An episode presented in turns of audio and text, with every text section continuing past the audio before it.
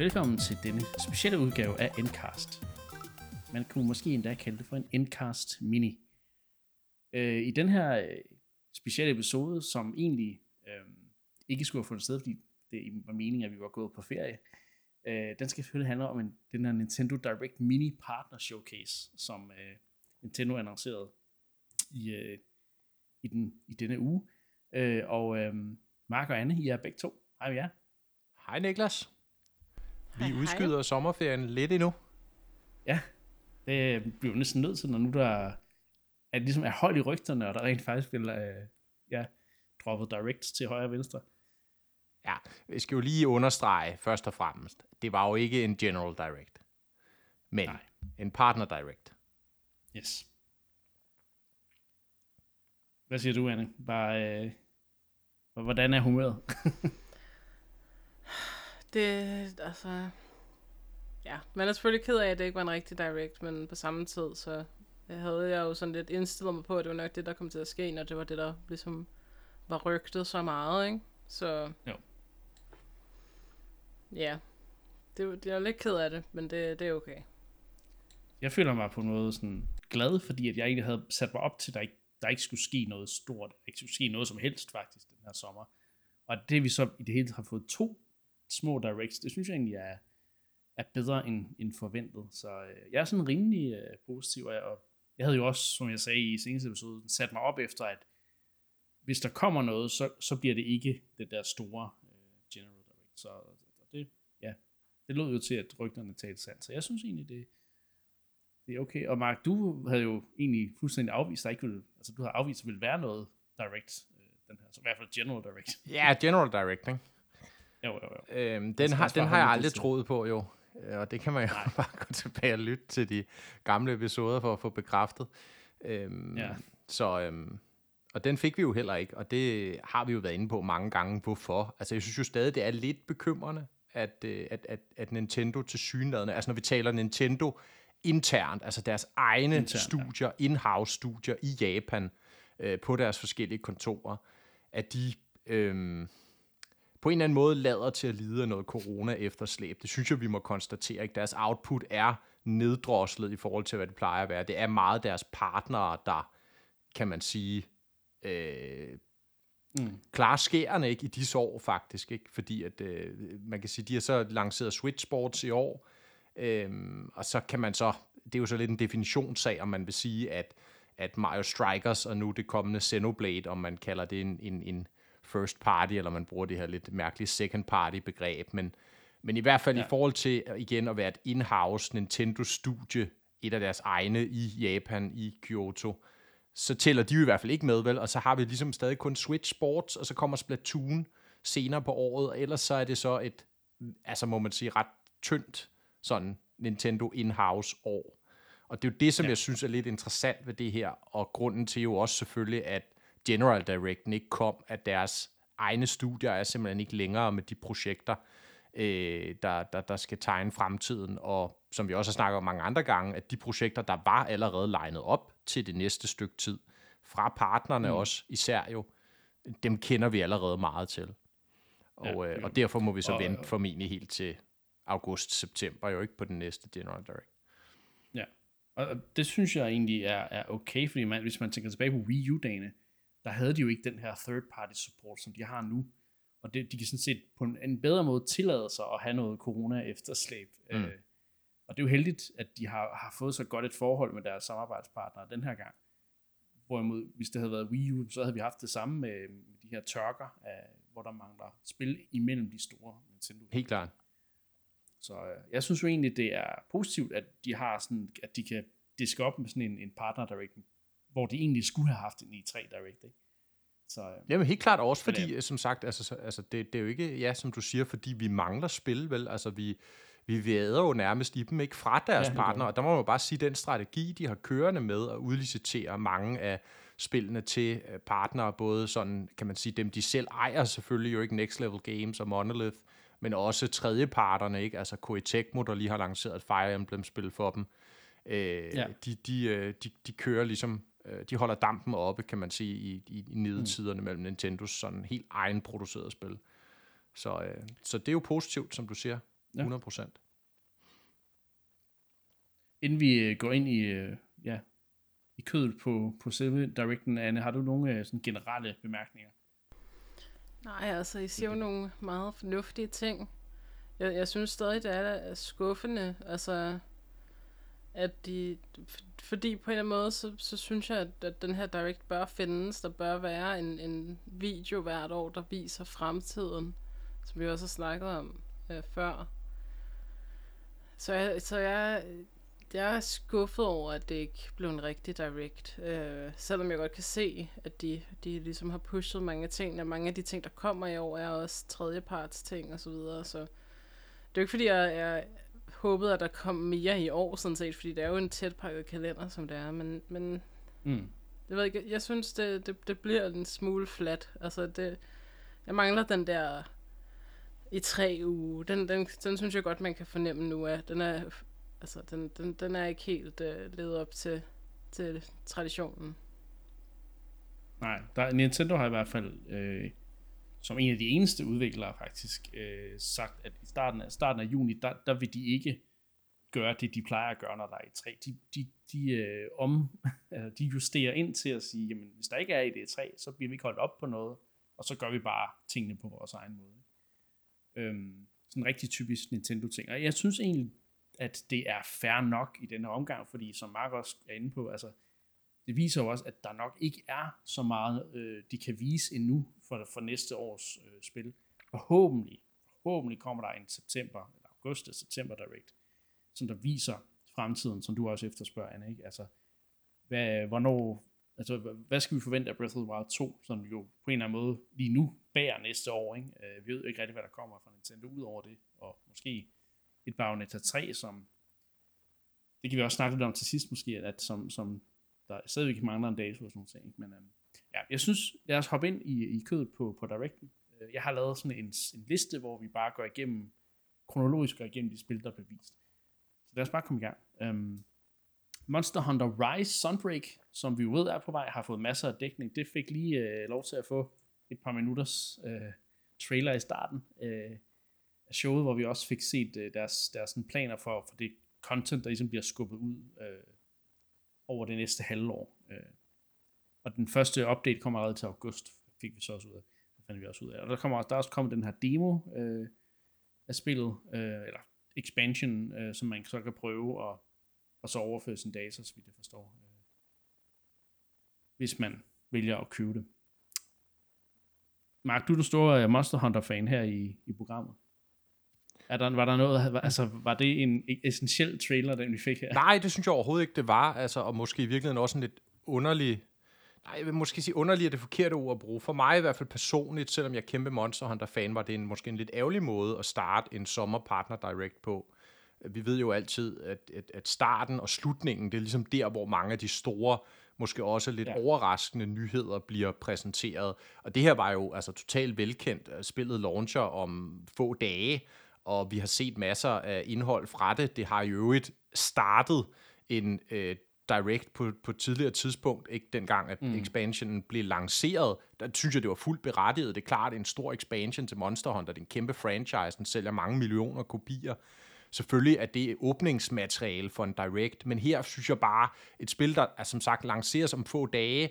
Vi har set masser af gameplay fra det. Det ser fremragende ud. Det er Monster Hunter øh, store, vildere og bedre, ikke? Og, øh, og, og det, det er fint nok. Jeg synes bare, som åbningsmateriale, var det ikke der, jeg forventede at se det, men det er, hvad det er. Ja, okay. Ja, jeg har ikke så meget øh, at sige til det ud, og jeg synes jo egentlig, det var, jeg, jeg, blev, jeg blev bekymret med det samme, der var så, okay, et spil, vi allerede har set så meget fra, hvorfor starter mm. med det? Og et spil, der også øh, før har åbnet en ja. direct, ikke? Altså, og, og da, selv da selve expansionen blev revealet som starten på en direct, der synes jeg også, det var sådan... Det synes jeg ikke var stort nok. Og det er måske bare mig, der, okay. der, der er... Det er så dig, der ikke er Monster Hunter Ja, det er mig, der ikke er Monster altså, det, det, det, det, det. Plus 5 ja, millioner solgte kopier, ikke? Det er en det er kæmpe rigtigt, franchise, og den betyder rigtig meget for mange, mm. så...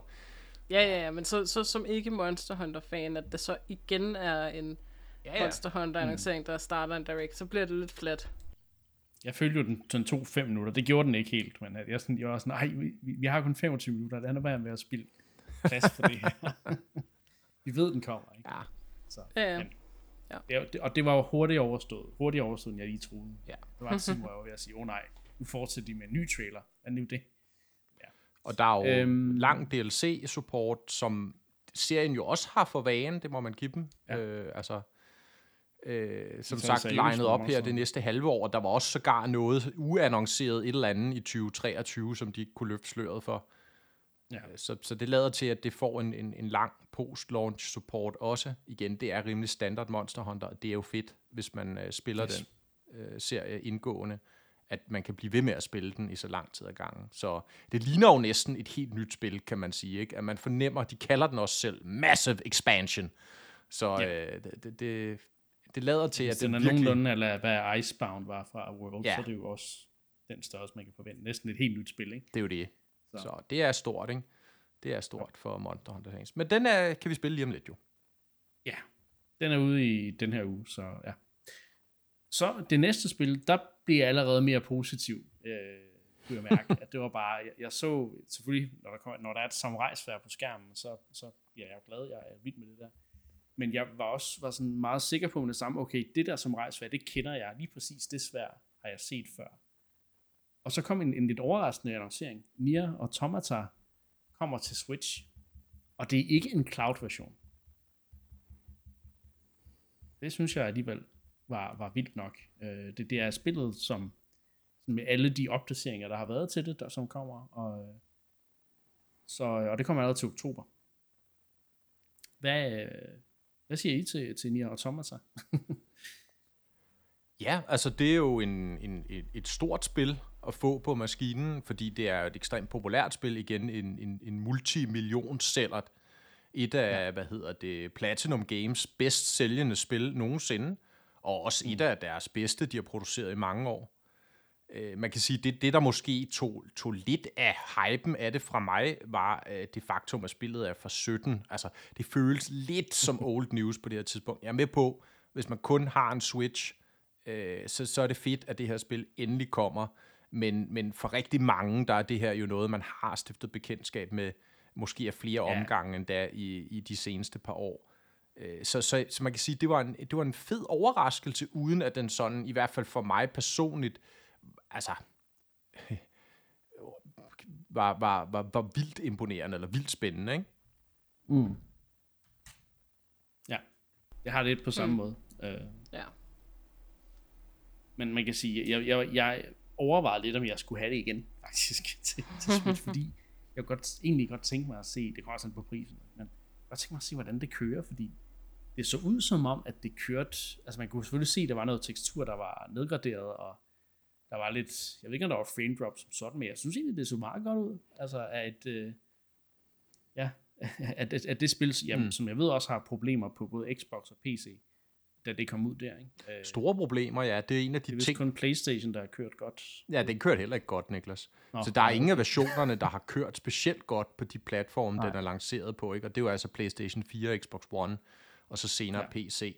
Øhm, og masser af problemer med framerate og frame pacing og alle de her ting. Så det skal jo blive spændende at se, om de så i den proces at oversætte det til noget maskinelt, der er mindre kraftigt, altså at de på en eller anden måde kan forbedre, eller måske mm. i bedste fald i hvert fald stabilisere performance. Vi skal jo nok regne med, at det bliver et 30 fps-spil. Det kan være Ja. fint nok, hvis det er stabilt. Det har vi jo set med for eksempel Astral Chain, som Platinum lavede for et par år siden. Jo fremragende øh, siger jeg. character action game på, på Switch. Og også et af deres bedre spil for de senere år. Så hvis de kan opnå nogenlunde samme grad af performance øh, på Switch, så synes jeg, det må betegnes som en stor succes.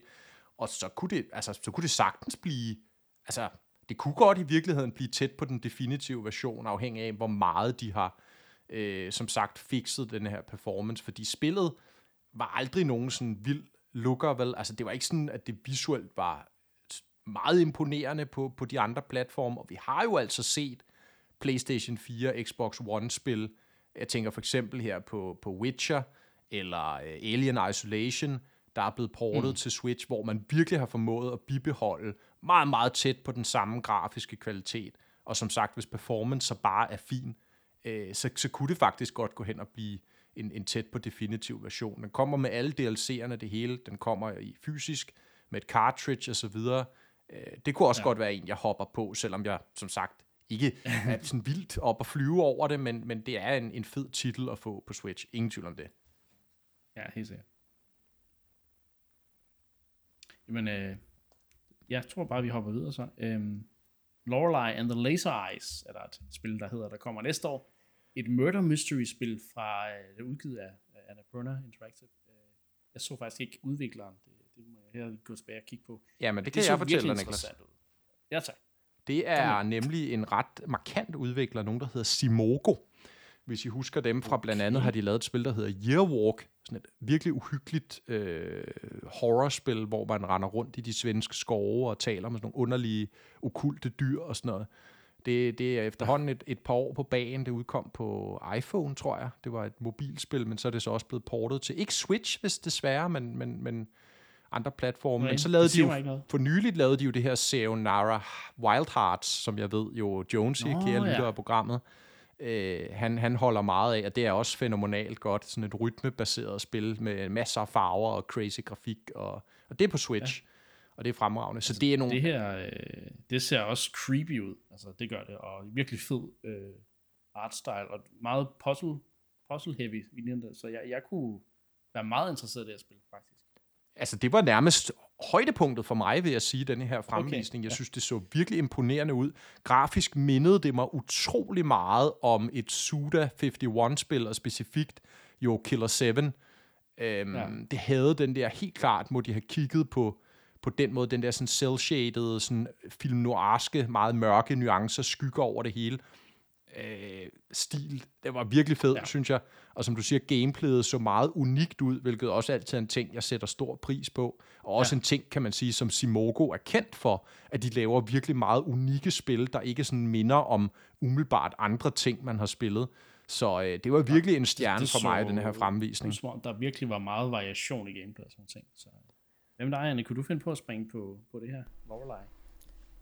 Det, så skal det virkelig, altså så skal det være, fordi Mark han ligesom er first mover, køber det og siger, at det her, det er must play. Uh, Skal Det nok kommer han til at gøre. Det, ja, det, det predicter jeg nu, at når det kommer næste år, så er Mark fir- first mover, og han øh, skal nok øh, anbefale det med hele sit hjerte. Havde, den, havde det ikke sådan en lille smule Return of the Obra Dinn vibes også, Anne? Altså sådan det der murder, mystery, Uh. puzzle. Det var du meget begejstret for.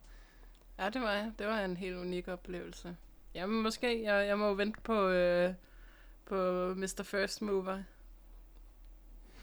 ja, Det er det. Så, øh, men jeg, jeg er også helt klart fan, og jeg, jeg, jeg, jeg har siddet der allerede planer. Det kan være, at jeg skulle streame det. Fordi jeg er også glad for sådan noget som Deadly Premonition, jo, som også er lidt et murder mystery. Så ja. Ja, ja, nu må vi se. Nu, øh, så kom der sådan lige, sådan, lige sådan et lille øh, sådan triple pack, man kan kalde det, hvor de snakker om klassiske figurer, der vender tilbage. Øhm, der var det første spil, der var Super Bomberman R2. Et nyt Bomberman-spil, der kommer næste år. Øh, og Bomberman går jo rigtig galt i byen med. Det ser ud som om, altså det, de holder sig til det klassiske, men der er også noget med noget level builder og forskellige ting. Øhm, og par, selvfølgelig et party mode, som Bomberman jo er bedst i. Altså, ja, det er fedest at sidde og spille med en masse andre, der også spiller Bomberman på samme map, og prøver at nakke hinanden med bomber og alle de der ting. Virkelig, øh, virkelig klassisk, øh, men det er jo ikke sweet, der var noget nyt under solen. virkede det til. Nej, og det var jo en fortsættelse på Super Bomberman, Bomberman R, som jo Ja. udkom. Det var jo vist nærmest et launchspil på Switch, som jeg husker det. Ja, det tror Ja. jeg også. Det var ret tid. Det var ret tidligt, og det er så blevet supporteret ret meget i årene efter udgivelsen, og ændrede sig en del gange, så vidt jeg ved, for det var ret sparsomt ved launch, Mm. som jeg Okay. husker det. Øhm, det kom ikke som sådan nogen stor overraskelse i den forstand, at de meldte jo ud for nylig, at de snart lukker serverne på Super Bomberman R, hvilket jo også var sådan lidt... Hvorfor gør de Mm. det? det? Det gør de jo så selvfølgelig, fordi de skal sælge det nyt. Øh, det kan man jo så mene om, hvad man vil. Det er måske lidt skummy, synes jeg, men, øh, men øh, ja. Så der kommer åbenbart en sådan straight-up toer af Bomberman, og som du siger, det, altså, det er jo Bomberman. Hvad mere er der at sige? Det er det.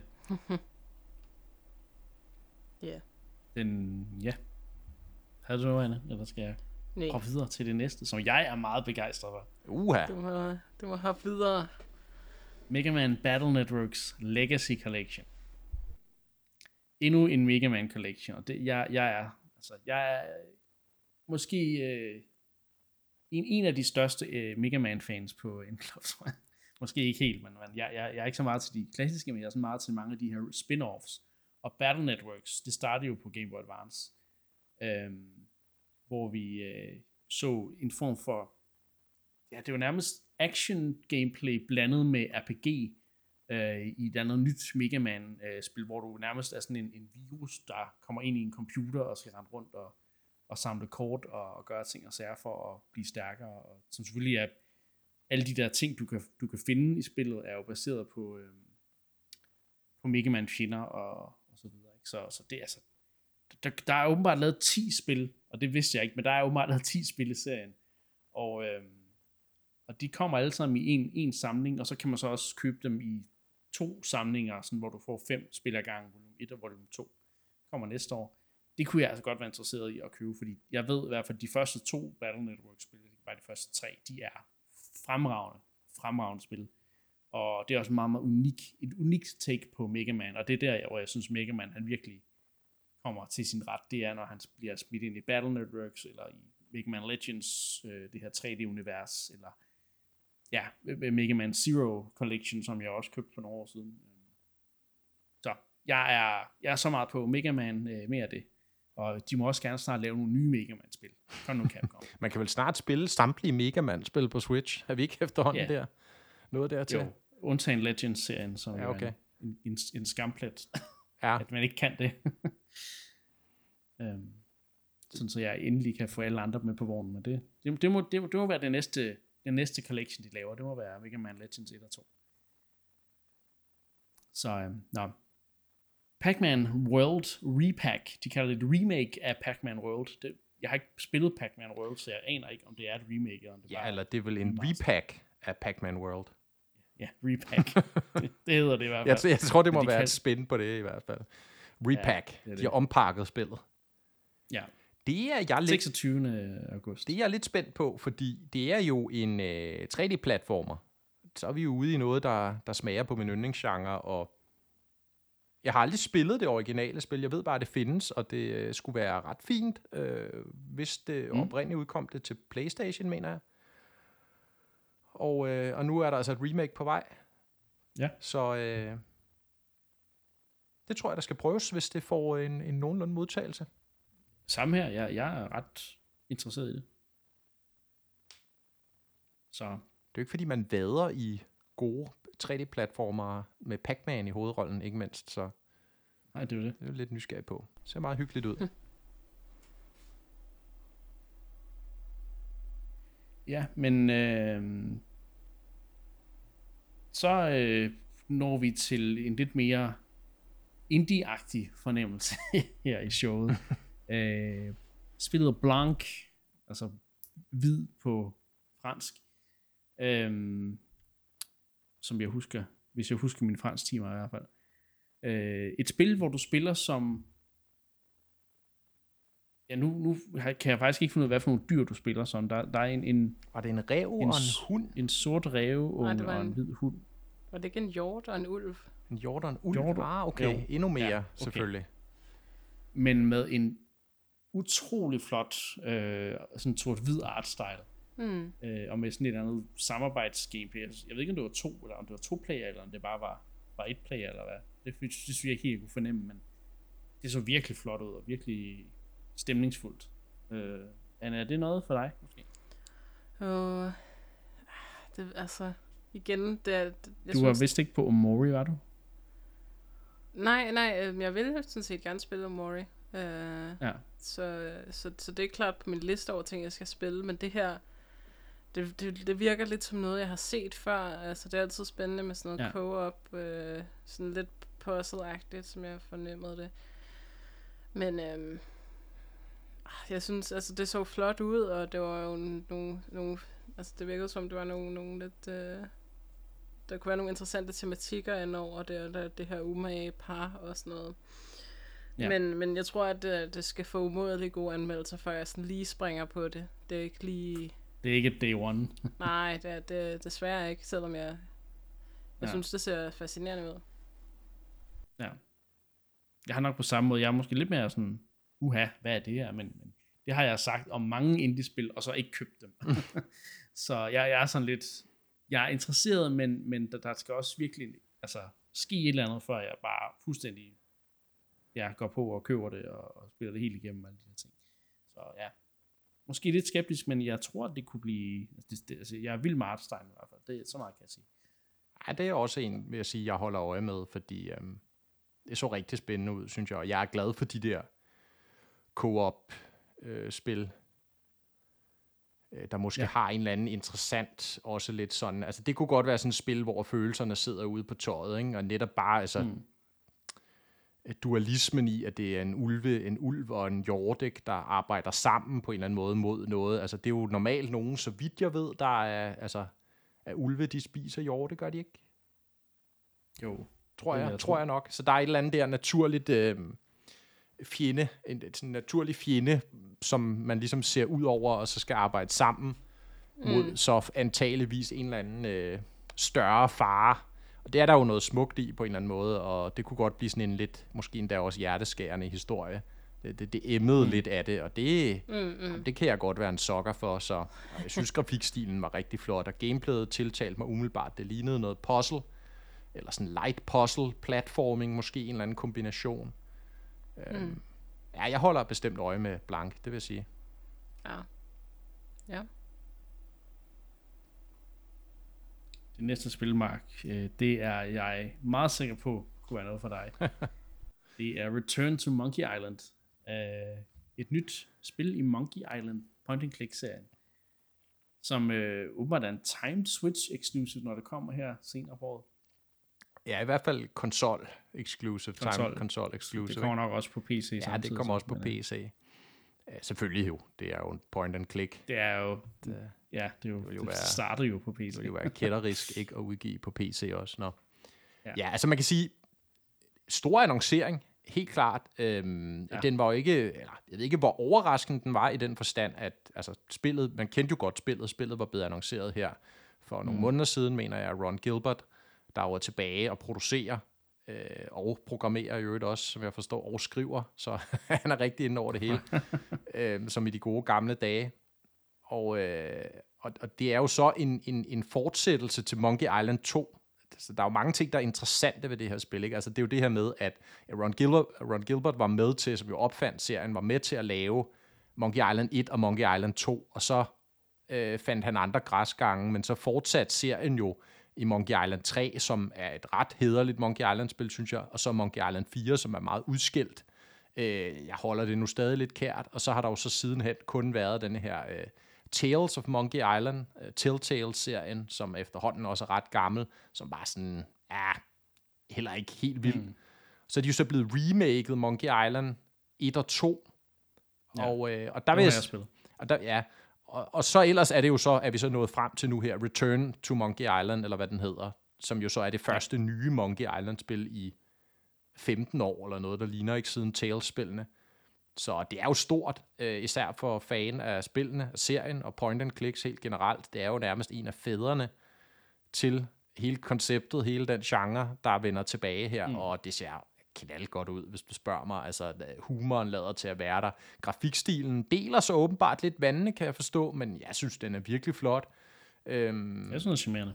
Og der er selvfølgelig øh, de, de har mange af de samme stemmeskuespillere tilbage øh, til hovedpersonen, ikke mindst Guybrush Threepwood, og øh, jamen, øh, også, hvad hedder det, komponist, øh, hvad hedder han, Michael Land, mener han hedder, er også tilbage og, og, og, og komponerer, så det, det, det ser rigtig godt ud, synes jeg.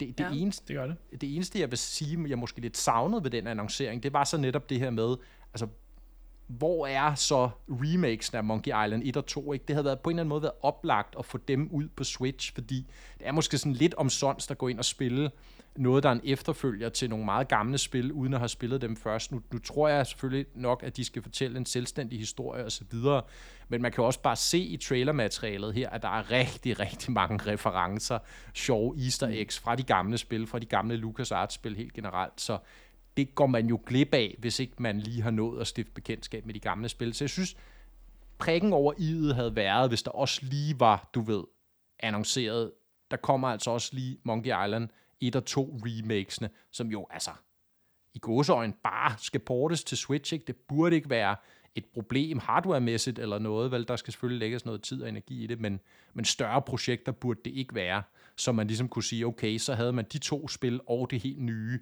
på maskinen. Det synes jeg havde været sejt. Det får vi så ikke. Ja. Nu må vi så nøjes med, med det nye her. Ja, nøjes og nøjes. Ja. ja, ja. Bevares. Det lyder måske lidt forkælet, men øh, jeg synes, det havde givet mening her, ikke? Helt sikkert. Øhm, ja, det næste spil, det var jo nok ikke den store overraskelse. Øh, det, det var med. Det, øh, det blev lækket, øh, og det, det her spil har det med at blive lækket øh, på forskellige hjemmesider, inden det overhovedet bliver fremvist. Det er jo selvfølgelig Mario Plus Rapid Sparks of Hope, øh, som jo oprindeligt blev, jeg tror jeg, det var Nintendo, der kom til at leak det på deres hjemmeside, inden det blev annonceret på en Ubisoft øh, konference, og så, øh, hvad hedder det, øh, ja, ja, så, så blev det faktisk ligget på Ubisoft hjemmeside i går, altså dagen før øh, Directen.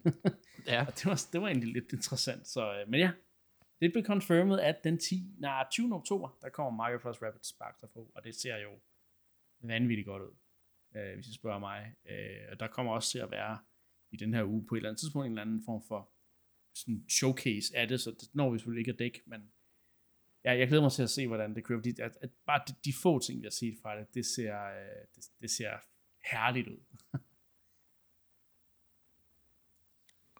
ja, øh, helt, ja. helt bestemt. Øhm, det var jo, altså man kan sige, det var måske det, næsten det mindst overraskende, de viste på denne her ja. fremvisning. Det var jo det, alle rygterne svidede omkring, og som sagt, så var der også alle det, det her leak øhm, mm. i, fra i går. Så det stod rimelig klart, at, at det ville få en, en showing. Jeg synes måske ikke, det var den altså sådan mest imponerende showing, de kom med, men det er så måske nok fordi, at der så, de så følger op med en lidt mere dybtegående øh, ja. Mario Rabbids Direct her senere på ugen. Øh, der var selvfølgelig sådan noget helt overordnet, nogle hurtige klip fra spillet sådan over en bred kamp. Man så sådan lige kort nogle af de forskellige områder, og som du siger, Niklas, det så jo fremragende ud. Altså den der helt utrolige, for Switch-standard er i hvert fald en helt utrolig høje billedkvalitet. Altså billedet står mm. bare enormt rent, og grafikken altså skarp, og altså nogle af de flotteste igen versioner af Mario-figurerne, synes jeg, vi har set. Det er virkelig en looker, det spil her, og ja, så kom vi over til gameplayet, ikke? så var der så en, en gameplay-demonstration, og det var nok i virkeligheden den, jeg måske var sådan lidt, øh, den, den, den gik måske sådan lidt hurtigt, eller blev sådan lidt forhastet igennem. Det var jo ret ja. åbenlyst i hvert fald, at der er nogle ret elementære ændringer til gameplayet, som jeg måske personligt ikke havde set komme. Øh, blandt andet det her ligner det, at, øh, at de er gået væk fra det grid-baserede system. Øh, ja. Altså hvis man husker originalen, så var det jo fuldstændig med firkanter over alle banerne, ikke? Så når man var i kamp, jamen så kunne man rykke fem firkanter, og så skulle man så ligesom pege øh, musen, var jeg ved at sige, øh, cursoren på, på det felt, man vil rykke hen, maks fem felter væk, ikke?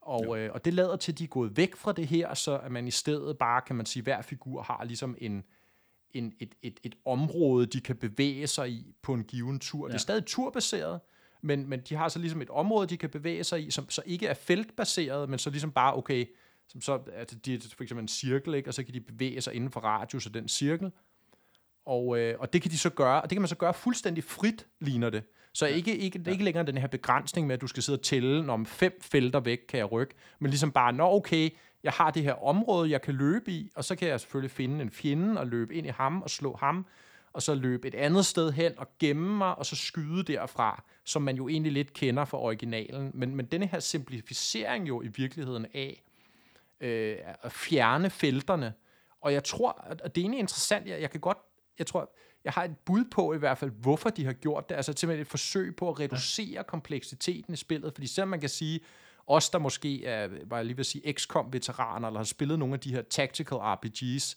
øh, fra tidligere, så er det jo nemt for os, du ved, at sidde og tælle felter og vurdere tal op, og mod, op imod hinanden og alt muligt. Men det er bare så Nintendosk på en eller anden måde at gå væk fra det, og tage den kompleksitet ja. ud af spillet, og i virkeligheden bare sige, Nå, men nu er det denne her figurs tur, du kan bevæge dig i det her område, og så skal du bare finde en fjende og, og tæsk, og løbe et sted hen og gemme dig, og så skyde. Ikke? Og så er, har man egentlig fjernet det der med tallene. Dem har man forsøgt at gemme endnu mere, end, end man havde i originalen. Og det tror jeg er fint set, og det er meget Nintendo, som sagt, det taler jo selvfølgelig ned. Det gør spillet måske lidt mere tilgængeligt, også for de yngre målgrupper. Øh, selvom det ikke var meget komplekst i forvejen, så tror jeg, det, det, det kan være en fin ting, mm. øh, uden at det nødvendigvis reducerer kompleksiteten i kampsystemet. Det er selvfølgelig det, man kunne være lidt bekymret for, men jeg tror nu, de har styr på det. Øhm. Ja, ja, ja, det tror jeg også.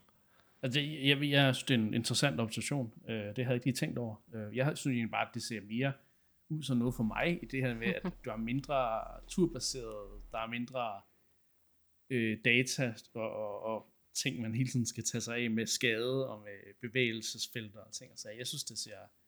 Jeg, jeg, hver jeg ser så bliver jeg mere og mere hugt på det. Jeg kan jo egentlig godt lide det første, men jeg har ikke rigtig gennemført det, fordi der er nogle ting, der bare føles lidt for, for klassiske på en eller anden måde. Og, så jeg synes, jeg synes, det er positivt, de går væk fra, fra, fra formularen og prøver at, at, at, at gøre det mere Nintendosk. så mere af det. Altså, jeg, jeg er stor fan af det, og jeg synes bare, det ser fremad ud. Også især områderne, man kommer til, og designet på figurerne, som du også nævnte. Ja. Jeg har det sådan lidt sjovt med det her spil, fordi det føles som, det er så mange år siden, det kom efterhånden. og det er, sådan, det er aldrig, fordi jeg har haft lyst til at gå tilbage og sådan spille det igen eller noget. Jeg tror heller ikke, jeg fik spillet DLC-pakken faktisk, selvom det, som jeg husker, det skulle den være ret god. Men alligevel mm. så ser jeg sådan frem til det nye, og ja, jeg laver også godt mærke til mig det her med, at man har fjernet grid-systemet, og ser lidt frem til at se, hvordan det ændrer følelsen af at spille spillet. Men øhm, må ikke det stadig er godt, kunne jeg forestille mig. Ja, øh. det, det ser godt ud. ja. Det ligner jo, at gameplay loopet er det samme, som jeg sagde. Ikke? Altså, det er mm. turbaseret stadigvæk, så hver figur har sin tur. Og så er det bare det her med, jamen i stedet for at du tæller felter, så at sige, ikke?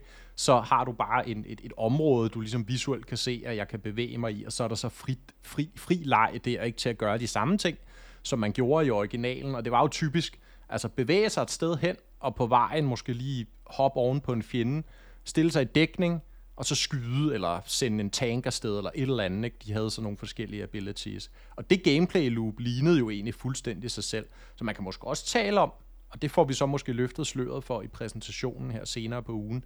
Øh, men, men, men man kan sige, at denne her trailer i hvert fald viste måske ikke sådan noget sådan stort løft i gameplayet, eller sådan en eller anden form for øget kompleksitet, eller nyt lag ovenpå, eller altså det, det var faktisk i virkeligheden mere en reduktion af game designet nærmest, det her med at gå lidt væk fra sådan de rå tal, og egentlig mere bare igen at fokusere på at, at give spillerne friheden til at køre det her gameplay loop, jeg lige forklarede, ikke med at løbe, dæk, mm. gå i dækning, skyde næste tur, ikke? Jo. Men meget fed, øh, den der scene, hvor øh, han, Mario, han ligesom sparker sin bobberm, som bliver aktiveret, og så kaster den over på nogle andre bobberm, så de bare laver sådan en chain reaction. Det så virkelig sjovt ud. altså igen, det minder meget om, hvad man kunne se det første spil, men det er som om, de bare har embraced det der øh, gameplay, de ligesom skabte. Ikke? Så ja, ja, jeg tror, det bliver, jeg tror, det bliver en af, en af efterårets helt store øh, overraskelser, ikke overraskelser, men en af de, de positive udgivelser, som der kommer til at definere det her år. Og så skal det jo blive rigtig spændende, altså med det spil jo ikke, fordi det man, det man nogle gange, jeg i hvert fald har glemt, eller glemmer nogle gange med det her spil, det var, hvor godt det solgte. Altså, vi taler et spil, der mm. rundede 8 millioner, som jeg husker. Det, det er jo virkelig op i en liga med de aller, aller største Nintendo-franchises, ikke? Og, og, og så er der jo, kan man sige, både selvfølgelig store forventninger til, hvor, hvor godt klarer toeren sig, ikke? Fordi at, igen, det skulle helst gerne måske blive større og bedre, men nogle gange ser vi jo også det her med, at toer bare på en eller anden måde ikke kravler lige så højt op, hvis de, hvis de følger formularen tæt, fordi måske var der nogen, der købte etteren, og så alligevel fandt ud af, at ah, det var måske ikke lige for dem, de har nok i det. Øh, eller det kan også bare være, at konceptet er så genialt, at det nu, altså, du ved, når ud til endnu flere mennesker. Ikke? Det må vi se, men, men det er i hvert fald, mm. altså, det er jo en virkelig stor franchise allerede, skal man tænke på, jo ikke? Så, så, så forventningerne er også høje til, at det kommer til at performe. Mm. Ja, det er sikkert. Mm, ja, ja, det bliver spændende i hvert fald, ikke? Fordi det kom jo også ud i en helt anden kontekst, ikke? Det var, at det udkom på før, Switchens første år, som jeg husker det, ikke? Så jo. det var jo sådan en tid, hvor folk de var enormt hungrende efter store titler og så videre, så det kunne godt være, at, at det måske ikke er alle, der tænker, at de skal have øh, efterfølgeren. Man købte mere etteren ud af sådan en, en lyst af, til at prøve sit nye hardware af. Mm. Oh, men det må alligevel også have haft en lang long tail, ikke Anne? Fordi det udkom seks måneder efter, øh, kan man sige, øh, Switchen launchede, og på det tidspunkt er der jo ikke solgt, altså der er jo ikke engang solgt 8 millioner Switches, vel? Eller lige knap i hvert fald, så jeg kan Ja, godt se din pointe, men rigtigt. alligevel tænker jeg også, at spillet må have haft en lang altså, hale, og, og det må have blevet mm. ved med at sælge i årene efter, ikke? Og så selvfølgelig kom Donkey Kong udvidelsespakken, og så kom der den her Gold Edition udgivelse også, mm. fysisk mm. mener jeg, hvor at, at man fik det hele med, så, så, så jeg tror, det er et spil, der egentlig har levet på god, altså word of mouth, og, og altså også, også på den lange bane, og ikke kun som sådan et, du ved, åh, vi har intet at spille, vi køber Mario Rabbids panik øh, til at starte med. Jamen, det er rigtigt, ja. Og det er jo også, altså, det er jo to stærke franchises, kan man sige. ikke? Altså, man skal jo ikke kæmpe sig af, af Rabbids-brandet heller, vel? Det er jo også noget, der har været populært.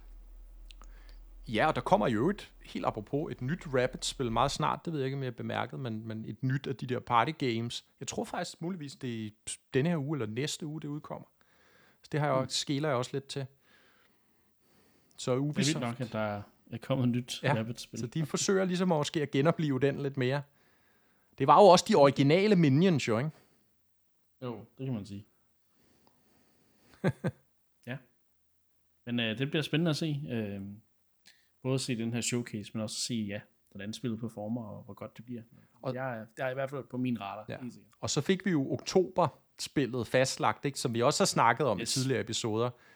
Så mangler vi vel nærmest kun december-spillet, Ja, før vi har... Hvis der er et decemberspil. Det er jo det, og der er jo et interessant, pikant rygte, som jeg ikke ved, om vi skal nævne før efter sommerferien, men uh, Nej, det kan være, at vi lige skal se, om der kommer mere, mere kul på. Ja. det. Så. At det har været så vildt, synes jeg, hvor tæt pakket det her efterår det er efterhånden. Altså, der er bare noget, ja. Man skal have hver eneste måned resten af året nu. Det er vildt. Ja. Jeg mangler stadig eller andet i september, men øh, jeg er måske ikke på Splatoon 3, men vi må se. Nå. Nu øh, går vi ind i den, den, den, den sidste halvdel af øh, Directen, øh, og det startede med et Shadow Drop.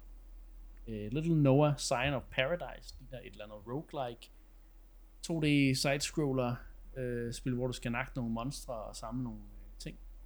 Og hver gang du går ind i banen, så ændrer den sig. så ja, det, det så meget hyggeligt ud. Ikke nødvendigvis et spil, jeg samler op, men jeg kunne godt lide artstyle. Den gav mig sådan lidt øh, Bravely Default vibes. Meget. Men ja, det, altså, jeg synes ikke rigtigt, det formåede at sælge sig selv super godt. Nej, det, jeg tror, der er en niche-gruppe, øh, gruppe, der virkelig er til de her spil, og jeg tror, de er blevet solgt på det. Men øh, det, har- det er svært at sælge det til, til en bredere, til et bredere publikum, tror jeg. I hvert fald med det, de viste. Men det er et shadow drop, og det er jo altid noget, der også kan trække lidt salg i sig selv på en eller anden måde.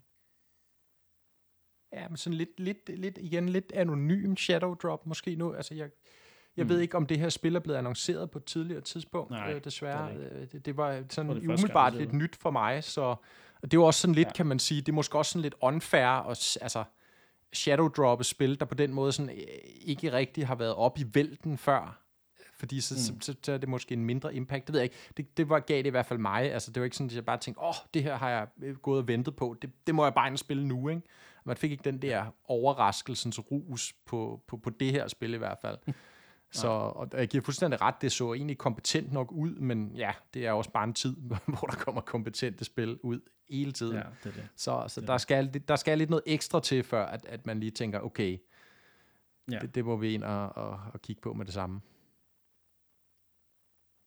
Jeg spiller ikke på Shadow Droppet, men som øh, futter mod øh, udgivelse til efteråret, det er det her Railgrade, som lignede en eller anden form for togspil, hvor du skal lave, lave et eller andet netværk af, af tog, der skal transportere ressourcer fra A til B, men ikke i den her sådan transport tycoon-agtige stil, men mere sådan noget nærmest satisfactory.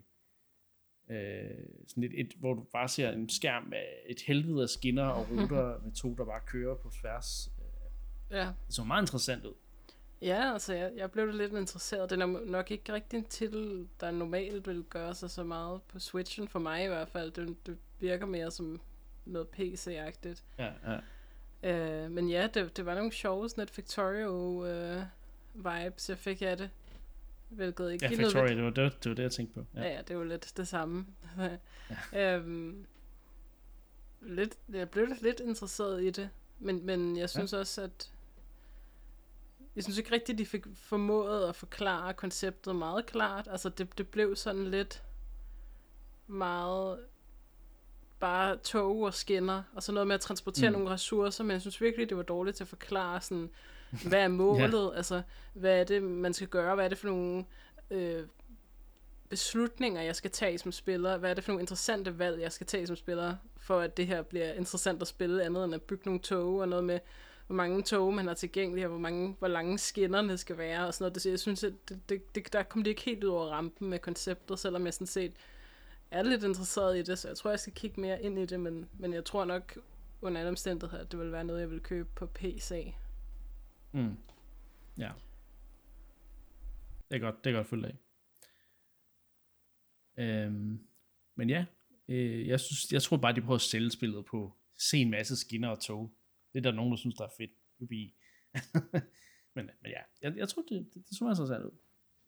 Næste spil, øh, det hedder RPG Time The Legend of Right. Kommer til øh, den 18. august. Og øh, det er sådan et, et RPG-spil, hvor du øh, også sådan åbenbart kan tegne nogle ting ind, eller hvis nogle ting ud, eller du tegner ikke sådan selv de ting der. Øh, det, det, jeg tror, det er nogle, nogle actions, der kan blive aktiveret, ikke? Men, men øh, det så meget, øh, meget kreativt ud. Øh, men ikke lige noget, som jeg tænker, jeg skal have, desværre.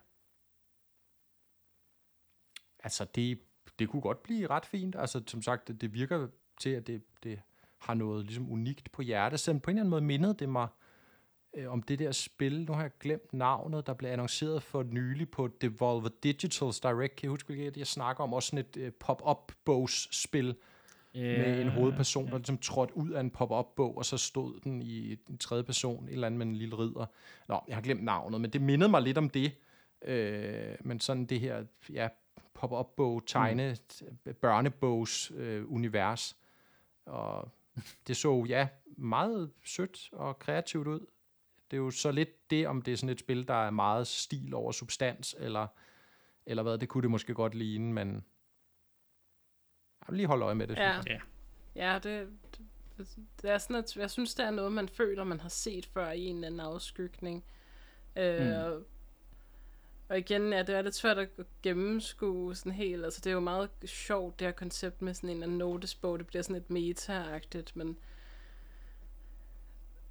jeg synes ikke helt, det fik kommunikeret igen, hvad er det, hvad er det fede ved de her mm, over 200 siders forskellige små minigames og sådan noget. Jeg synes ikke rigtigt, altså det, det der sådan blev vist, så blev der visket noget bro ud, og så blev der tegnet et eller andet, men det så ikke sådan meget, altså det, jeg, det virker ikke sådan meget engaging for mig. Så derfor så Nej. tror jeg også, at, at det skulle virkelig få nogle positive reaktioner, før jeg vil springe ud i det selv.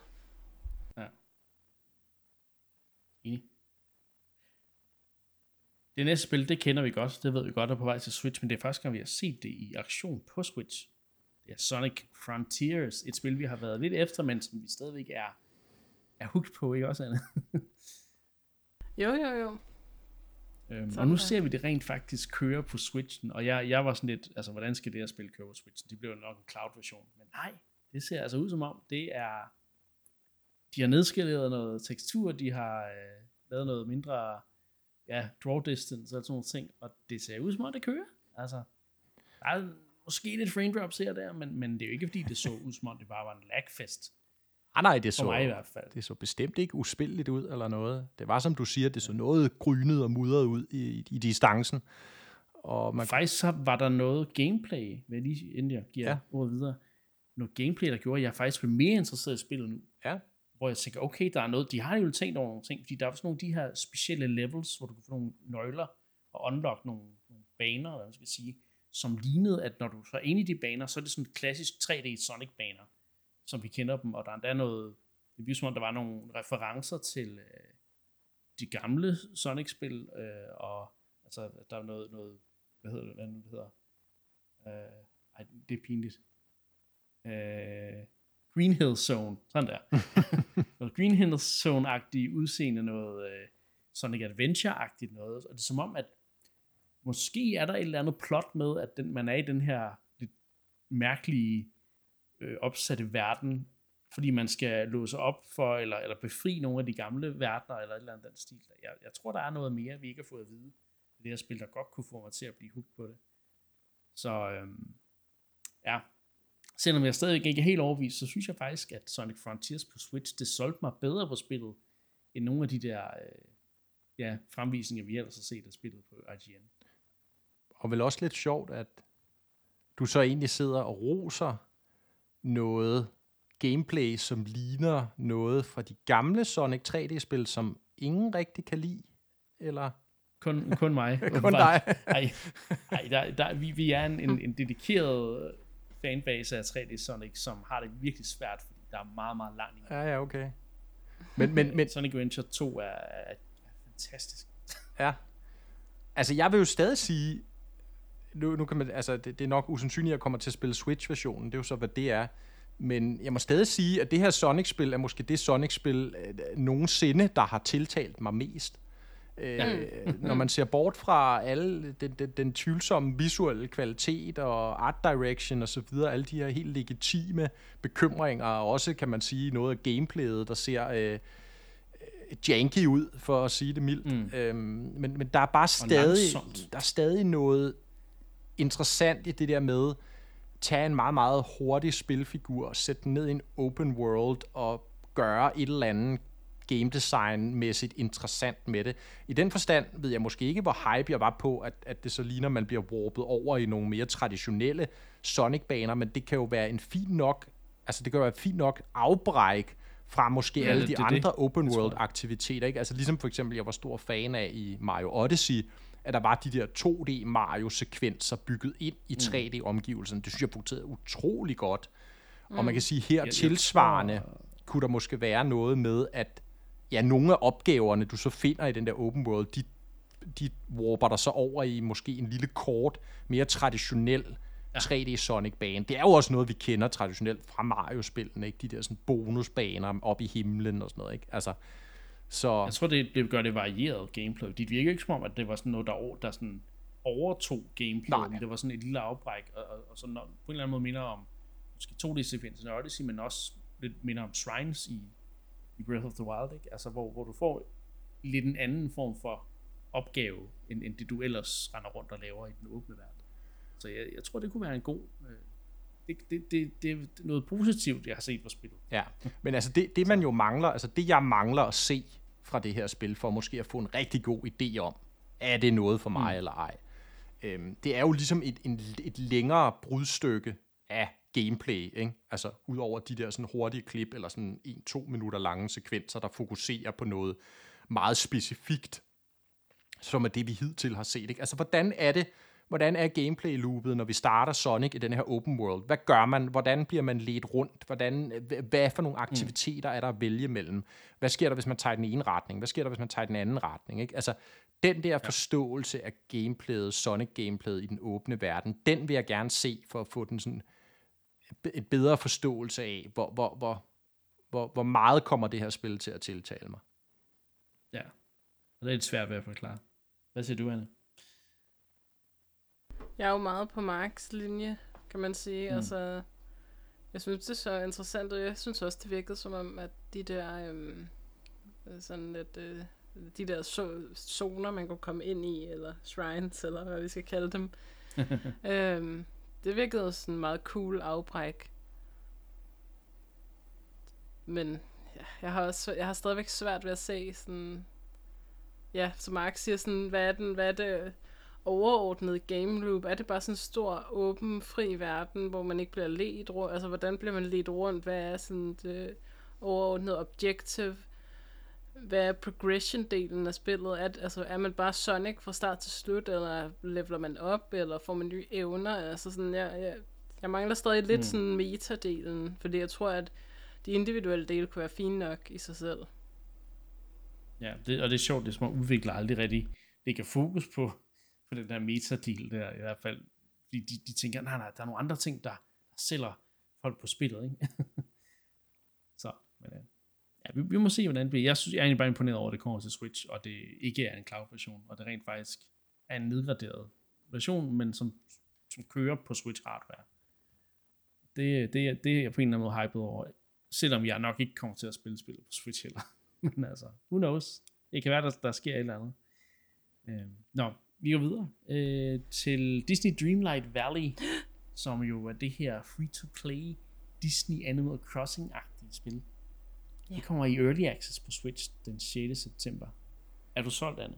Ja, ja, ja. Ja, ja, ja. Jeg er meget solgt. Altså, det må jeg sige. Det Det, er vist også free-to-play, ikke? øh, mm, man skal købe en eller anden Founders Nå. Pack, tror Åh, jeg, for okay. at spille det. Øh, jeg er lidt i tvivl. Det kommer jo også på øh, Game Pass, hvor det bliver gratis. Men jeg tror, man skal købe en anden Okay. Founders Pack. Umiddelbart. Jeg er lidt Så lidt mere rolig. Jamen, jeg, altså på en eller anden måde, så sådan... Hvis jeg var 10 år gammel, og elskede Disney-film, og elskede Nintendo-spil, og, og, og, og Animal Crossing, og Harvest Moon, og, altså det er jo bare alt det, der kulminerer. Så på en eller anden måde, så bliver jeg nødt til at være så hype over det, for sådan... Fordi det var det spil, jeg fortjente, at der fandtes, da jeg var 10 år gammel. Og, og sådan et spil har bare ikke kunne altså det, har, det findes bare ikke, før vi er nået til 2022, hvor at man også tager nogle andre målgrupper lidt mere seriøse, og villige til at kaste nogle større budgetter efter ordentlige spil. Øh, til, til for eksempel øh, piger øh, og kvinder mm. og så videre.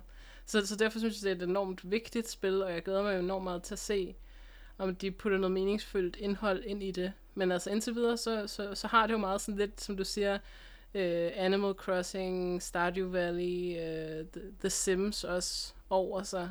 Øh, og jeg glæder enormt meget til at se, om de kan eksekvere og levere på de forskellige genrer. Øh, mm. Og hvad, om det lidt ligesom kan blive sin, sin egen ting. Øhm, Ja, så hvordan Disney-universet bliver integreret, ikke? Jo, lige præcis. Og hvad for nogle franchises og, og så videre, der kommer med. Og så bliver det også spændende at se. Øh, de har jo sagt, at alt content øh, altså bliver gratis, eller hvad, sådan alt gameplay content, eller hvad man skal sige, alle nye verdener, alle, alle nye sådan, gameplay er gratis, og så vil man så kunne købe øh, cosmetic items. Øh, og det synes jeg sådan set Okay. også er en fin nok måde at gøre det på. Øh, Så længe det ikke bliver pay to win, så er det jo Det er jo okay. det. Men, men jeg glæder mig enormt meget til det. Jeg er super hype. Altså, jeg skal spille det day Mm. one. Det, det vil jeg sige. Øh, Fedt. glæder mig enormt meget, og jeg håber virkelig, det kan levere. Ja, men jamen, jeg glæder mig til, at vi skal snakke om det så. Jeg kunne også godt, øh, hvis ikke det er for dyrt, så kunne jeg også godt finde på at, at kigge på det. Øh, det kan godt være, at jeg lige venter til at høre din, øh, din vurdering af det først. Mm. Næste spil. Øh, jeg vil gå lidt hurtigt videre her, Mark. Det er fint. Øhm, Live Alive, vi har bare lige kort nævnt, det fik en lille trailer. Øh, det kommer den 22. juli. Øhm, men der er kommet en demo, og det skal der jo gøres af de her øh, Square Enix RPG-spil, der bliver genudgivet og bliver udgivet. Så der skal være en demo, hvor du kan spille begyndelsen, og så overføre dine data. Og jeg synes, det, er, det koncept er så genialt, og det er fedt, at Live Alive også får det. Øh, Jeg skal klart have hentet øh, Live Alive-demoen her i ferien, og have spillet øh, Ja. for at se, om, om det kan hamle op med Xenoblade 3, der kommer næsten lige efter det udkommer.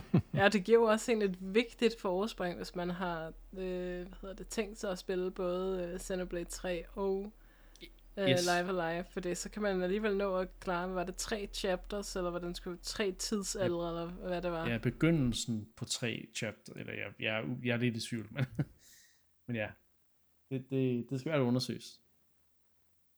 Så øh, ja, men ja, altså, de skal bare blive ved med de der demoer, det, de er så gode. Nå, Doraemon Story of Seasons, Friends of the Great Kingdom, kommer i år på et eller andet tidspunkt. Det er jo Story of Seasons spil, så det er Harvest Moon gameplay. Mm-hmm. Nu er det så bare med Doraemon, som er sådan en meget populær kattefigur fra, fra Japan. Mm. Og Det var faktisk en, el- en efterfølger til det første uh, Doraemon, Doraemon, Story, ja. Story of Seasons, så det er jo ret Ja. overraskende. Øhm, Ja. ja. ja, der kommer nyt i, Doraemon. ja, altså Story of det, det, ja. åbenbart har været en stor nok succes. Øh, jeg, jeg købte jo aldrig det oprindelige faktisk. Øh, jeg hørte, det var, at det ikke skulle være sådan super duper Øh, og så var der sådan nogle ting, øh, som at øh, der var nogle af de der sådan kerne-features fra det oprindelige Story of Seasons, Harvest Moon spil, sådan noget, som man kunne ikke blive gift. Øh, men til gengæld var, havde det så mere fokus på, på sådan en, en altså historiefortælling i spillet, ikke, som jo ellers ikke er noget, der er normalt er sådan super meget fokus på i de her farming-spil. Mm. Øhm, ja, men og jeg, så fokus på co-op. ja, og det er jo også super Det fedt. nye her i hvert fald. Altså, det co-op i farming-spil, det er jo det er jo virkelig noget, der er boomet, siden Stardew Valley intro- introducerede det for nogle år siden, så, så det er jo Mm. mm. super hype. Altså, det, det er sådan en, en genre, der er god at, at sidde og chille med sammen. Øh, så jeg, jeg, blev, øh, jeg blev lidt mere interesseret i, i, den, i den her spin-off-serie, og overvejer, om jeg skal, skal prøve at købe det. Ja. Jamen, øh, speaking of spin-off, så kommer der også et Minecraft spin-off næste år. Øh, Minecraft Legends, som er sådan et andet action, tactical spil. Øh, RPG-spil. Øh, ja, så det vil sige, at altså, det er, det er real time, men med noget taktisk. det ser meget interessant ud øh, i Minecraft-universet. Øh, Det kommer næste år, det kommer så også til Switch, og det er jo oplagt. Minecraft er jo stort på Switch, som jeg forstår det. Mm. Så øh, Ja, og det er jo fedt, hvad Microsoft ligesom formår at få ud af, og Mojang selvfølgelig, få ud Mm. af, af den her franchise. Det, hvad hedder det, Minecraft lidt, nej, hvad fanden hedder det? Dungeons? nye? Minecraft Dungeons? ja, Hedder det nå ja, Dungeon. Det var også et super fedt take på, på sådan uh, ARPG, Diablo-style mm. uh, i Minecraft-univers. Og det her er jo så... Jeg ved ikke helt, hvordan man skal forstå det, om det er sådan lidt Mountain Blade-agtigt, eller sådan nogle af de der sådan... Uh, sådan action... Ja, jeg ved ikke rigtig, strategy. hvad jeg skal sammenligne det med. Ja, der er noget med at ride rundt på en hest og samle nogle minions, og så kæmpe nogle slag, ikke, som jeg forstår det. Det var sådan Warriors-agtigt. Ja, så det, det, Men øhm, Det skal jeg helt klart Mm. følge med i, fordi jeg synes, at Dungeons, Minecraft Dungeons var super, et super cool take på den genre, så jeg er spændt på at se, hvad de kan gøre med det her. det næste spil er et, jeg ret, ser ret meget frem til. Det er et nyt Dragon Quest spin-off spil. Dragon Quest Treasures. Øh, som giver nærmest en open world spil, hvor du kan recruite monstre fra Monster, Que- øh, fra Dragon Quest-serien, og så bare rende rundt og finde skatte og, og smadre monstre. Og jeg er jo kæmpestor fan af Dragon Quest Builders 1 og 2, så nærmest en Minecraft-agtig øh, take på, på Dragon Quest, øh, men med en historie og, og, og nogle andre ting. Så altså, jeg, jeg tror, det kunne blive ret godt, øh, og jeg, det kommer til den 9. december. Så det kunne godt være mit decemberspil til Switch, hvis ikke der kommer noget fra Nintendo. Mm-hmm. Ja, det ser ret kompetent ud, ikke? Øhm, det er sjovt, at øh, de har fundet en, øh, en niche der med, øh, med Dragon Quest og lave nogle af de her spin-offs, sådan lidt mere casual spin-offs, skal vi vel godt kalde dem. Ja. Øh, De er mere til mig, end, end faktisk de oprindelige Dragon Quest-spil. Ja, Sjovt nok. Og det er jo sådan set kun super cool, at de finder et stort Ja. ja. publikum der og får succes med det, synes jeg. Det er jo et univers, der læner sig, altså egner sig godt til den type gameplay og den type spil, synes jeg. Så Mm. Spændende. Så øh, får vi et nyt Shadow, er et nyt Shadow Drop her, og det er jo så et længe ventet øh, spil, der måske også kommer lidt sent til Switch. Portal Companion Collection. Øh, det er Portal 1 og 2, der nu kommer i en samlet pakke til Switch. Og Portal er jo tilbage fra starten, nu, nej, ikke, måske ikke starten men i hvert fald Midtnålerne, ikke? Til 2005, Midtnålerne. tror jeg, er det ikke der Orange Box, ja. den kommer. Det omkring i hvert fald. Øh, toren er fra, fra 10'erne. Mhm. Og øh, måske. det er jo to fremragende puzzlespil, som Det har et virkelig cool univers. Og hvis man ikke har spillet Portal af en eller anden mærkelig grund, så gør det nu. Altså, Mm. det er, de er så gode, de puzzlespil, og, og, og universet er så sjovt og, og forstyrrende på samme tid. Ikke? Så, Ja, det er en must play. Altså, det er det bare. Det er sådan et af de spil, man skal spille, inden man dør. Eller man skal se. mm. Både 1'eren og 2'eren er, er begge virkelig øh, fremragende, og 2'eren har endda en co-op mode. Mm. Så, Etteren er jo nok det mest ikoniske, ikke? Mosplayet, Jo, bare for at opleve den der portal gun mechanic. Mm. Ja. Ja. Og så er der jo den der lidt søde, sjove historie på, jo ikke? Selvom at sådan. Mm. en purist som mig vil jo sige, at System Shock 2 blev røvet den fortælling, fordi den havde den før Portal. Men, Ja. øh, så er det fair nok. Portal er- et fremragende spil, og fortæller det måske lidt mere elegant og lidt mere tilgængeligt end, end System Shock 2. Selvom System Shock 2 er et fremragende spil. Mm. Altså. Så ja, men det er jo lidt, det er jo lidt som, som I siger, ikke? Det, det er måske også, altså, det er svært at hisse sig rigtig op over det. Det er sådan en, hvor man kan sige, fedt, selvfølgelig skal de også være på Switch, Evergreens, Classics osv., men altså, har de fleste ikke i en eller anden format, på en eller anden mere eller mindre obskur platform spillet Portal allerede? Det vil jeg næsten tro, altså. Ja. Det, det tror jeg også. Og så kan man sige, og så er der jo også nu, er den så ikke så dyr, jeg tror det var omkring de 120-150 kroner, noget jeg lige har set. Øhm, men altså, de er jo til salg på Steam øh, for. Mm. hvad, 2 dollar stykket eller sådan noget. Ja. ja. grund stykket, ikke? Det er det. det er også lidt nogle gange hører med til de der udgivelser. Det er sådan, de, de skummer fløden lidt meget. Ikke? Selvfølgelig skal de tjene deres penge hjem på en, en nyudviklet øh, version af spillet til en anden platform, men igen, det mindsker måske lysten til også bare for sådan en som mig at købe det igen på Switch, hvis mm, jeg skal give sådan er. 10 gange mere prisen, end hvad jeg kan få det på PC. Ja. Ja, ja, True. det er fint nok. Øh, vi har to annonceringer tilbage. Jeg, jeg går lidt hurtigt over det her næste, men jeg tror faktisk, det næste, der, der er jeg interesseret i at høre om Annes mening, fordi Ja. Harvestella kommer den 4. november, og det, det emmer jo af Rune Factory vibes. Det gjorde det. Det var den helt store overraskelse, positiv overraskelse, overraskelse for mig.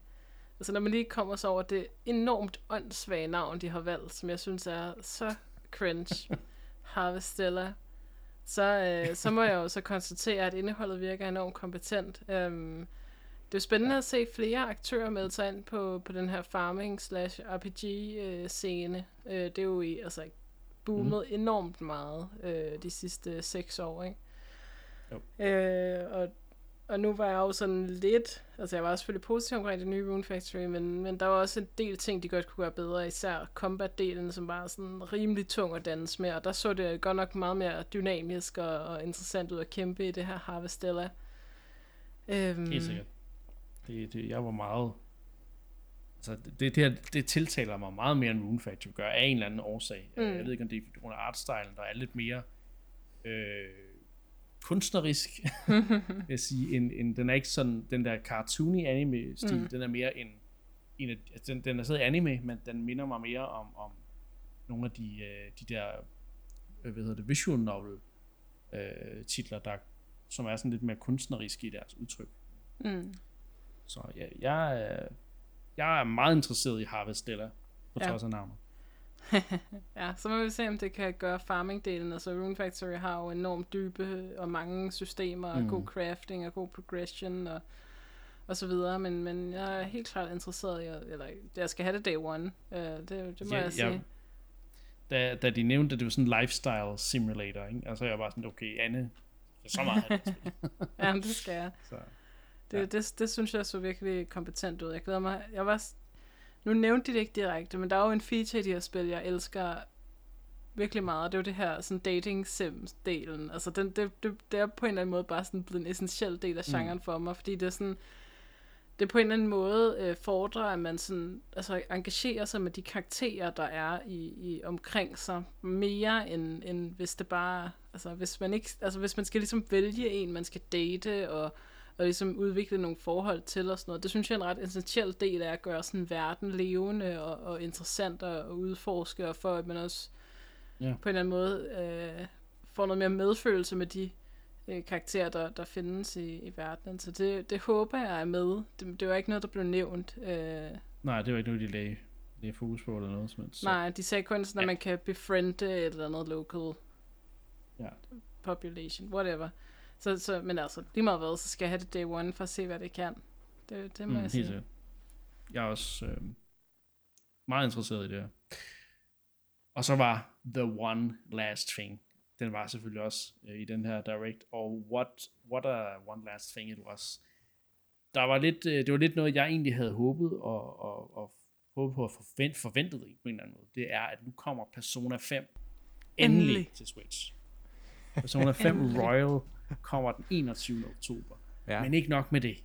Så får vi selvfølgelig også de spil, der bliver annonceret til Xbox. Persona 3 Portable og Persona 4 Golden.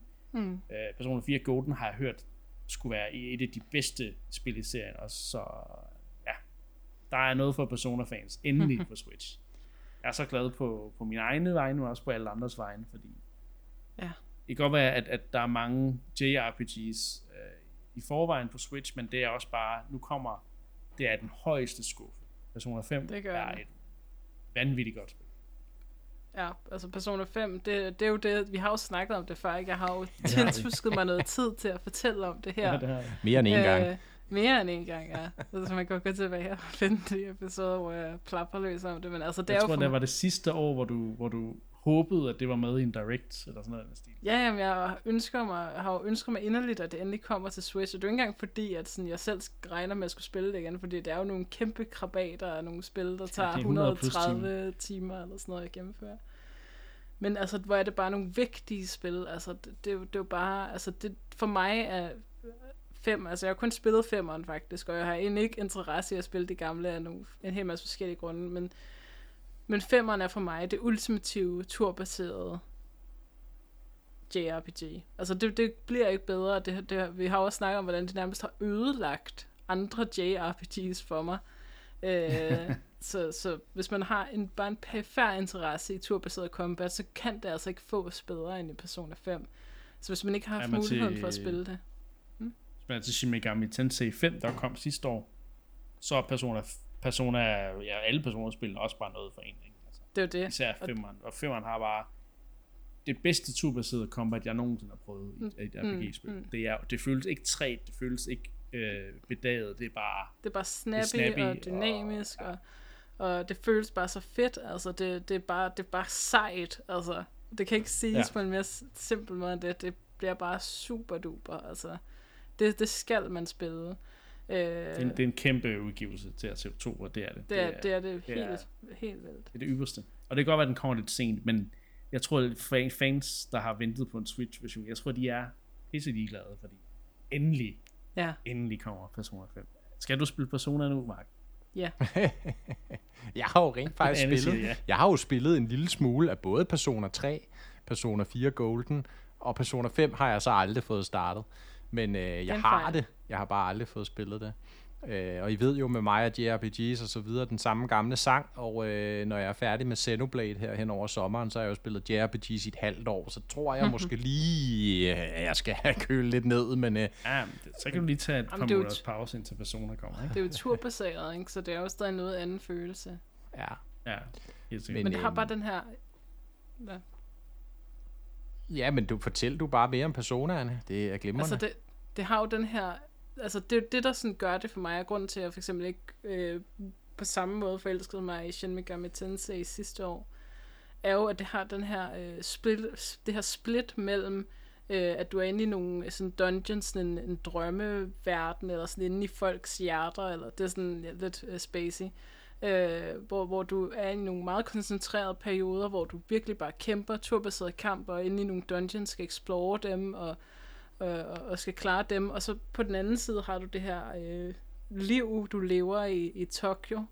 Øh, du går i skole, du går på high school, og du får venner, og du kan øh, igen date lidt øh, med nogle af, nogle af de karakterer, du møder osv. Det har bare sådan, den der balance, det her sådan switch mellem de to verdener fungerer bare enormt godt. Altså det, det bliver sådan mm. super tilfredsstillende, fordi at hvis du er træt af bare kamp på kamp på kamp på kamp, så har du et, et naturligt afbræk, hvor du kan tage ud sammen med dine venner og fiske, eller øh, spille øh, baseball, eller altså du har Ja. den, den del af det er bare altså, virkelig godt skruet sammen, og så har det nogle pacing issues, for eksempel er starten sådan lidt, lidt lang, og der er lidt meget dialog og sådan noget, men, men lige så snart det kommer i gang, så får det bare en enorm tilfredsstillende sådan balance mellem de to verdener og de to modes, der ligesom er i spillet.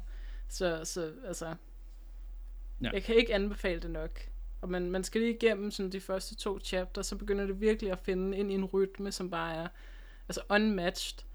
Øhm, og, og det, Og jeg tror, det låner sig så godt til portable øh, mm, gameplay. jo, 100%. det, det er bare ja. et must play, altså. Det er det bare. Helt sikkert. Helt en af de største annonceringer i den her øh, Partner Direct. Jeg synes, mm. det, var, det, var, det var super. Ja, altså det var, jo et, det var jo en fremragende annoncering at lægge som en one last ting, som, som uh, one last ja. thing, som I sagde, at det mm. har jo været en af de mest altså, anmodede spil fra fans, altså jo lige siden at Joker blev introduceret i Super Smash Bros. Ultimate, mm. men jo også før det. Det er jo et af de største JRPGs på altså i eksistens jo ikke, og man kan sige, hvilket JRPG powerhouse er Switch ikke efterhånden, altså med, mm, ja. med de aller, aller største franchises, der er vel nærmest bare øh, de nyeste Final Fantasy-spil, ja. som, som ikke er der. Uh, sikkert primært af tekniske begrænsninger, men det er jo så, hvad det er. Mm. Men der kommer jo stadigvæk nogen til Switch. De gør altså, der nemlig Der kommer jo uh, så. det her Crisis Core, yes. blandt andet til, til vinter, og der kommer garanteret også, jeg mener ikke, det er så der kommer sådan Final Fantasy 7, øh, nærmest en mini-collection, hvor de, de, de samme blander alle Final Fantasy 7 spillene i et spil, mm.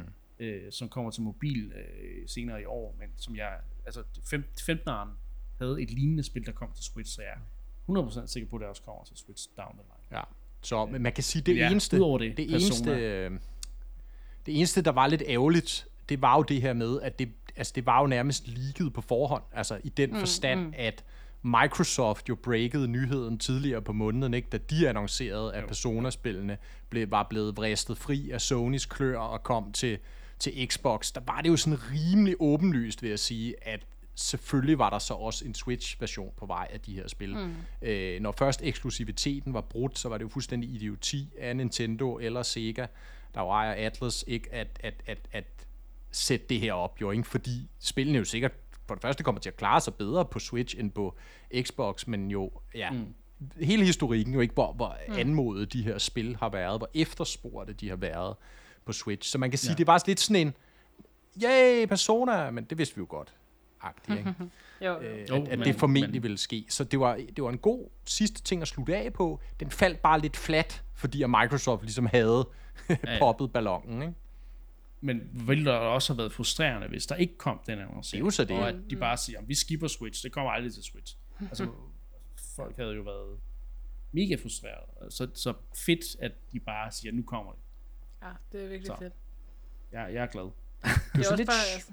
Men, men lad os, øh, lad, lad os nu, afbryder jeg begge to, men lad os, lad os prøve at opsummere her. Mm. Øh, meget, meget kort fra begge to. Øh,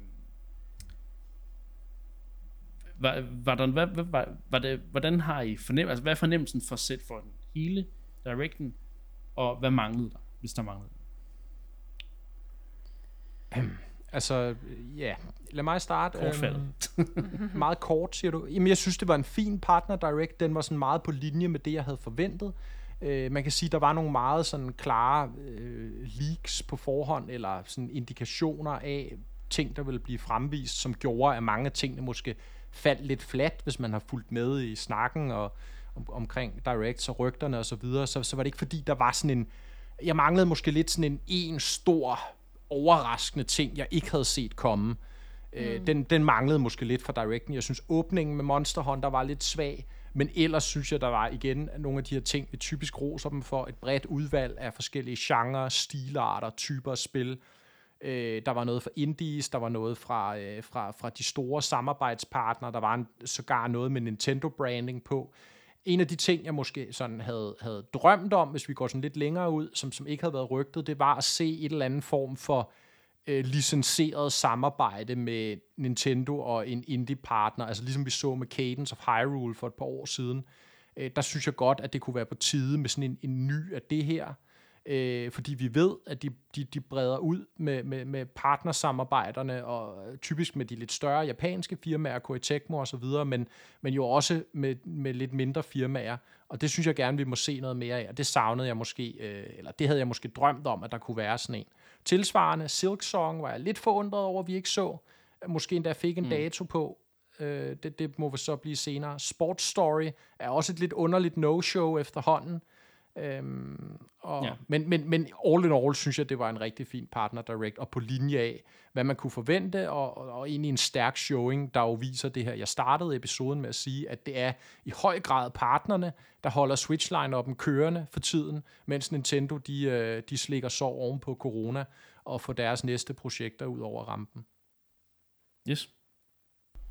Ja, det kan jo ikke siges meget smukkere, end Mark gjorde det. Øhm, jeg er måske på en eller anden måde blevet mere hype, da jeg snakker om spillene bagefter, end sådan min umiddelbare reaktion, da jeg lige havde set den. Der var jeg sådan lidt, ah, der kunne godt have været lidt mere. Men det er også fordi, der er nogle af spillene, som jeg er glad for kommer til Switch, altså især Persona for eksempel, men som, det, er jo ikke, det er jo ikke fordi, jeg selv skal spille det øh, igen på Switchen, øh, men, men som jeg synes, det er, det er simpelthen en vigtig øh, release. Øh, så jeg var enormt hype på alle de her uh, farming og uh, Animal Crossing og Disney Dreamlight Valley og mm. altså, altså de, den her type spil får uh, en plads i, i de her directs, synes jeg er enormt vigtigt. Altså der kom nogle nice annonceringer med, med Harvest Stella og, og Disney Dreamlight Valley release, eller Early Access release date.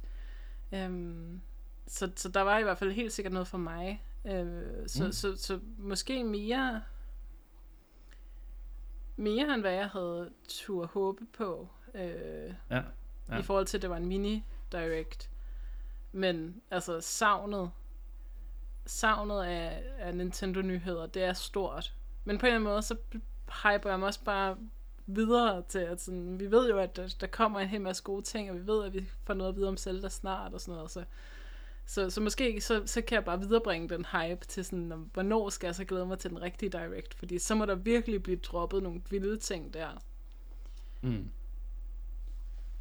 Det er meget sådan, jeg har det, øh, faktisk. Øh, jeg synes, den her direct har, var bedre, end jeg overhovedet havde to håb på. Øh, jeg havde ikke rigtig store forventninger til den. Øh, der var dog nogle ting øh, igen. Øh, fik du egentlig nævnt det, Mark? Bayonetta 3?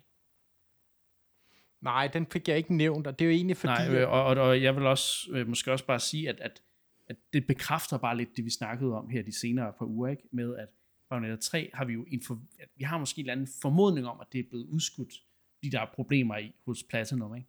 Så øh, jeg, tror, jeg tror, det er 2023-spil nu, hvis jeg skal være helt ærlig. Ja, Jamen det, det, og det kan være, du har ret, Niklas, men jeg tænker også med Bayonetta, fordi det er jo igen det her lidt spøjse forhold imellem, altså er de en tredje part, eller er de en første part? ikke? Fordi man kan sige, det er jo sådan set på bundlinjen et Nintendo-spil. Det er dem, der ejer IP'en øh, til, ja. til, til toeren i hvert fald, og til treeren fonder udviklingen, det ved vi.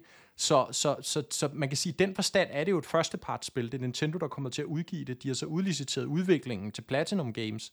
Men, men det er ligesom et first party-spil på den måde.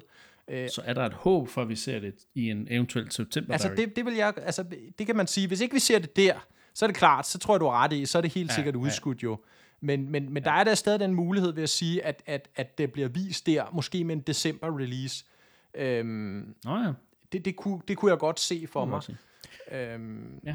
Så, så, tak, så, tak for den øh, ja, så, så, ekstra ja, kommentar. Så, så jeg vil ikke nødvendigvis forvente, at det bliver vist på sådan en her direct, fordi man kan sige, Mario Rabbids, det er jo en Ubisoft, der udgiver det spil de kan man sige, de ja. har så lånt licensen fra Nintendo, men det er egentlig dem, der er afsender på spillet først og fremmest. Øh, og derfor ja. kan det så blive vist i sådan en partner direct, hvor det er lidt den omvendte verden med Bayonetta 3. Mm. Ja, okay. Det godt, godt spottet. Øhm, hvad manglede jeg så ellers, udover Bayonetta 3? Jamen, øh, jeg havde jo egentlig håbet på, at Square Enix havde en, en meget større presence til den her øh, partner direct. For det første har vi det her Tactics Ogre Remaster, der blev lækket på PS Store for noget tid siden, øh, som jo lægger, det, det, det er nærmest et Nintendo Switch-spil, fordi det er tactical RPG, den genre har det rigtig godt på Switchen. Øh, det er jo det her publikum, der er der. Øh, men øh, det blev ikke vist til Sony's, det blev ikke vist til Xbox, det blev heller ikke vist til Nintendo Direct. Jeg, det kan godt være, at spillet ikke er klart endnu. Øh, men, men jeg forventer at se det i Nintendo Direct, måske allerede den næste. Men det, det manglede jeg lidt. Og så hvor er de her Final Fantasy uh, Pixel Remasters, der blev annonceret til Steam og mobil sidste år, som er udkommet uh, sidenhen. Men der er ingen platform, altså der er ingen platform, de er ude på. Switchen er den bedste platform, du vil udgive de her Final Fantasy-spil på. Det er Final Fantasy uh, øh, 1-6, der er ligesom er de her sprite-baserede spil. Hvor er de, uh, og hvorfor er det ikke på Switch? Square Enix får nu fingeren ud. Altså, det, det kan simpelthen ikke, det, kan ikke, det, jeg kan ikke forstå, hvorfor det ikke, altså, jeg, altså hvorfor vil man kun udgive det på PC og mobil? Jeg forstår det ikke. Så øh, det savnede jeg virkelig meget øh, at se fra Square Enix. Øh, derudover så havde de alt andet, hvad man havde kunne forvente sig, så øh, jeg er egentlig ret godt tilfreds med den her Partner Direct.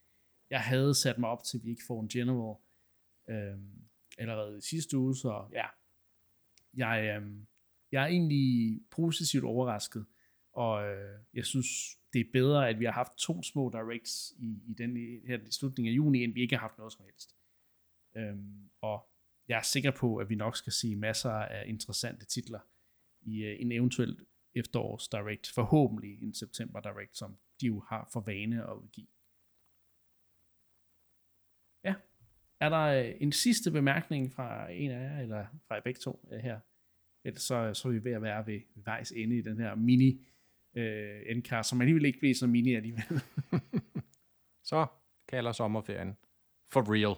Ja. Men der, der selvfølgelig ja. kommer han en General Direct i næste uge, det må jeg aldrig vide. Ja, men der har jeg ikke mulighed for at optage. Nej, det har man vel altid.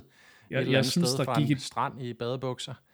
Lige at... Jeg hørte et eller andet rygte om, at der kom en General Direct i start af juli. Jeg tror simpelthen ikke det. Nej, nej, nej, nej. Vi går ind i sommerferieterritorie, alle de her ting.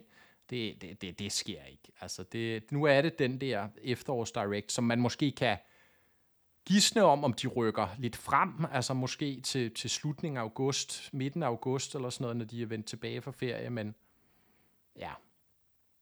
ja jeg forventer ikke, at det er 1. september. Nej.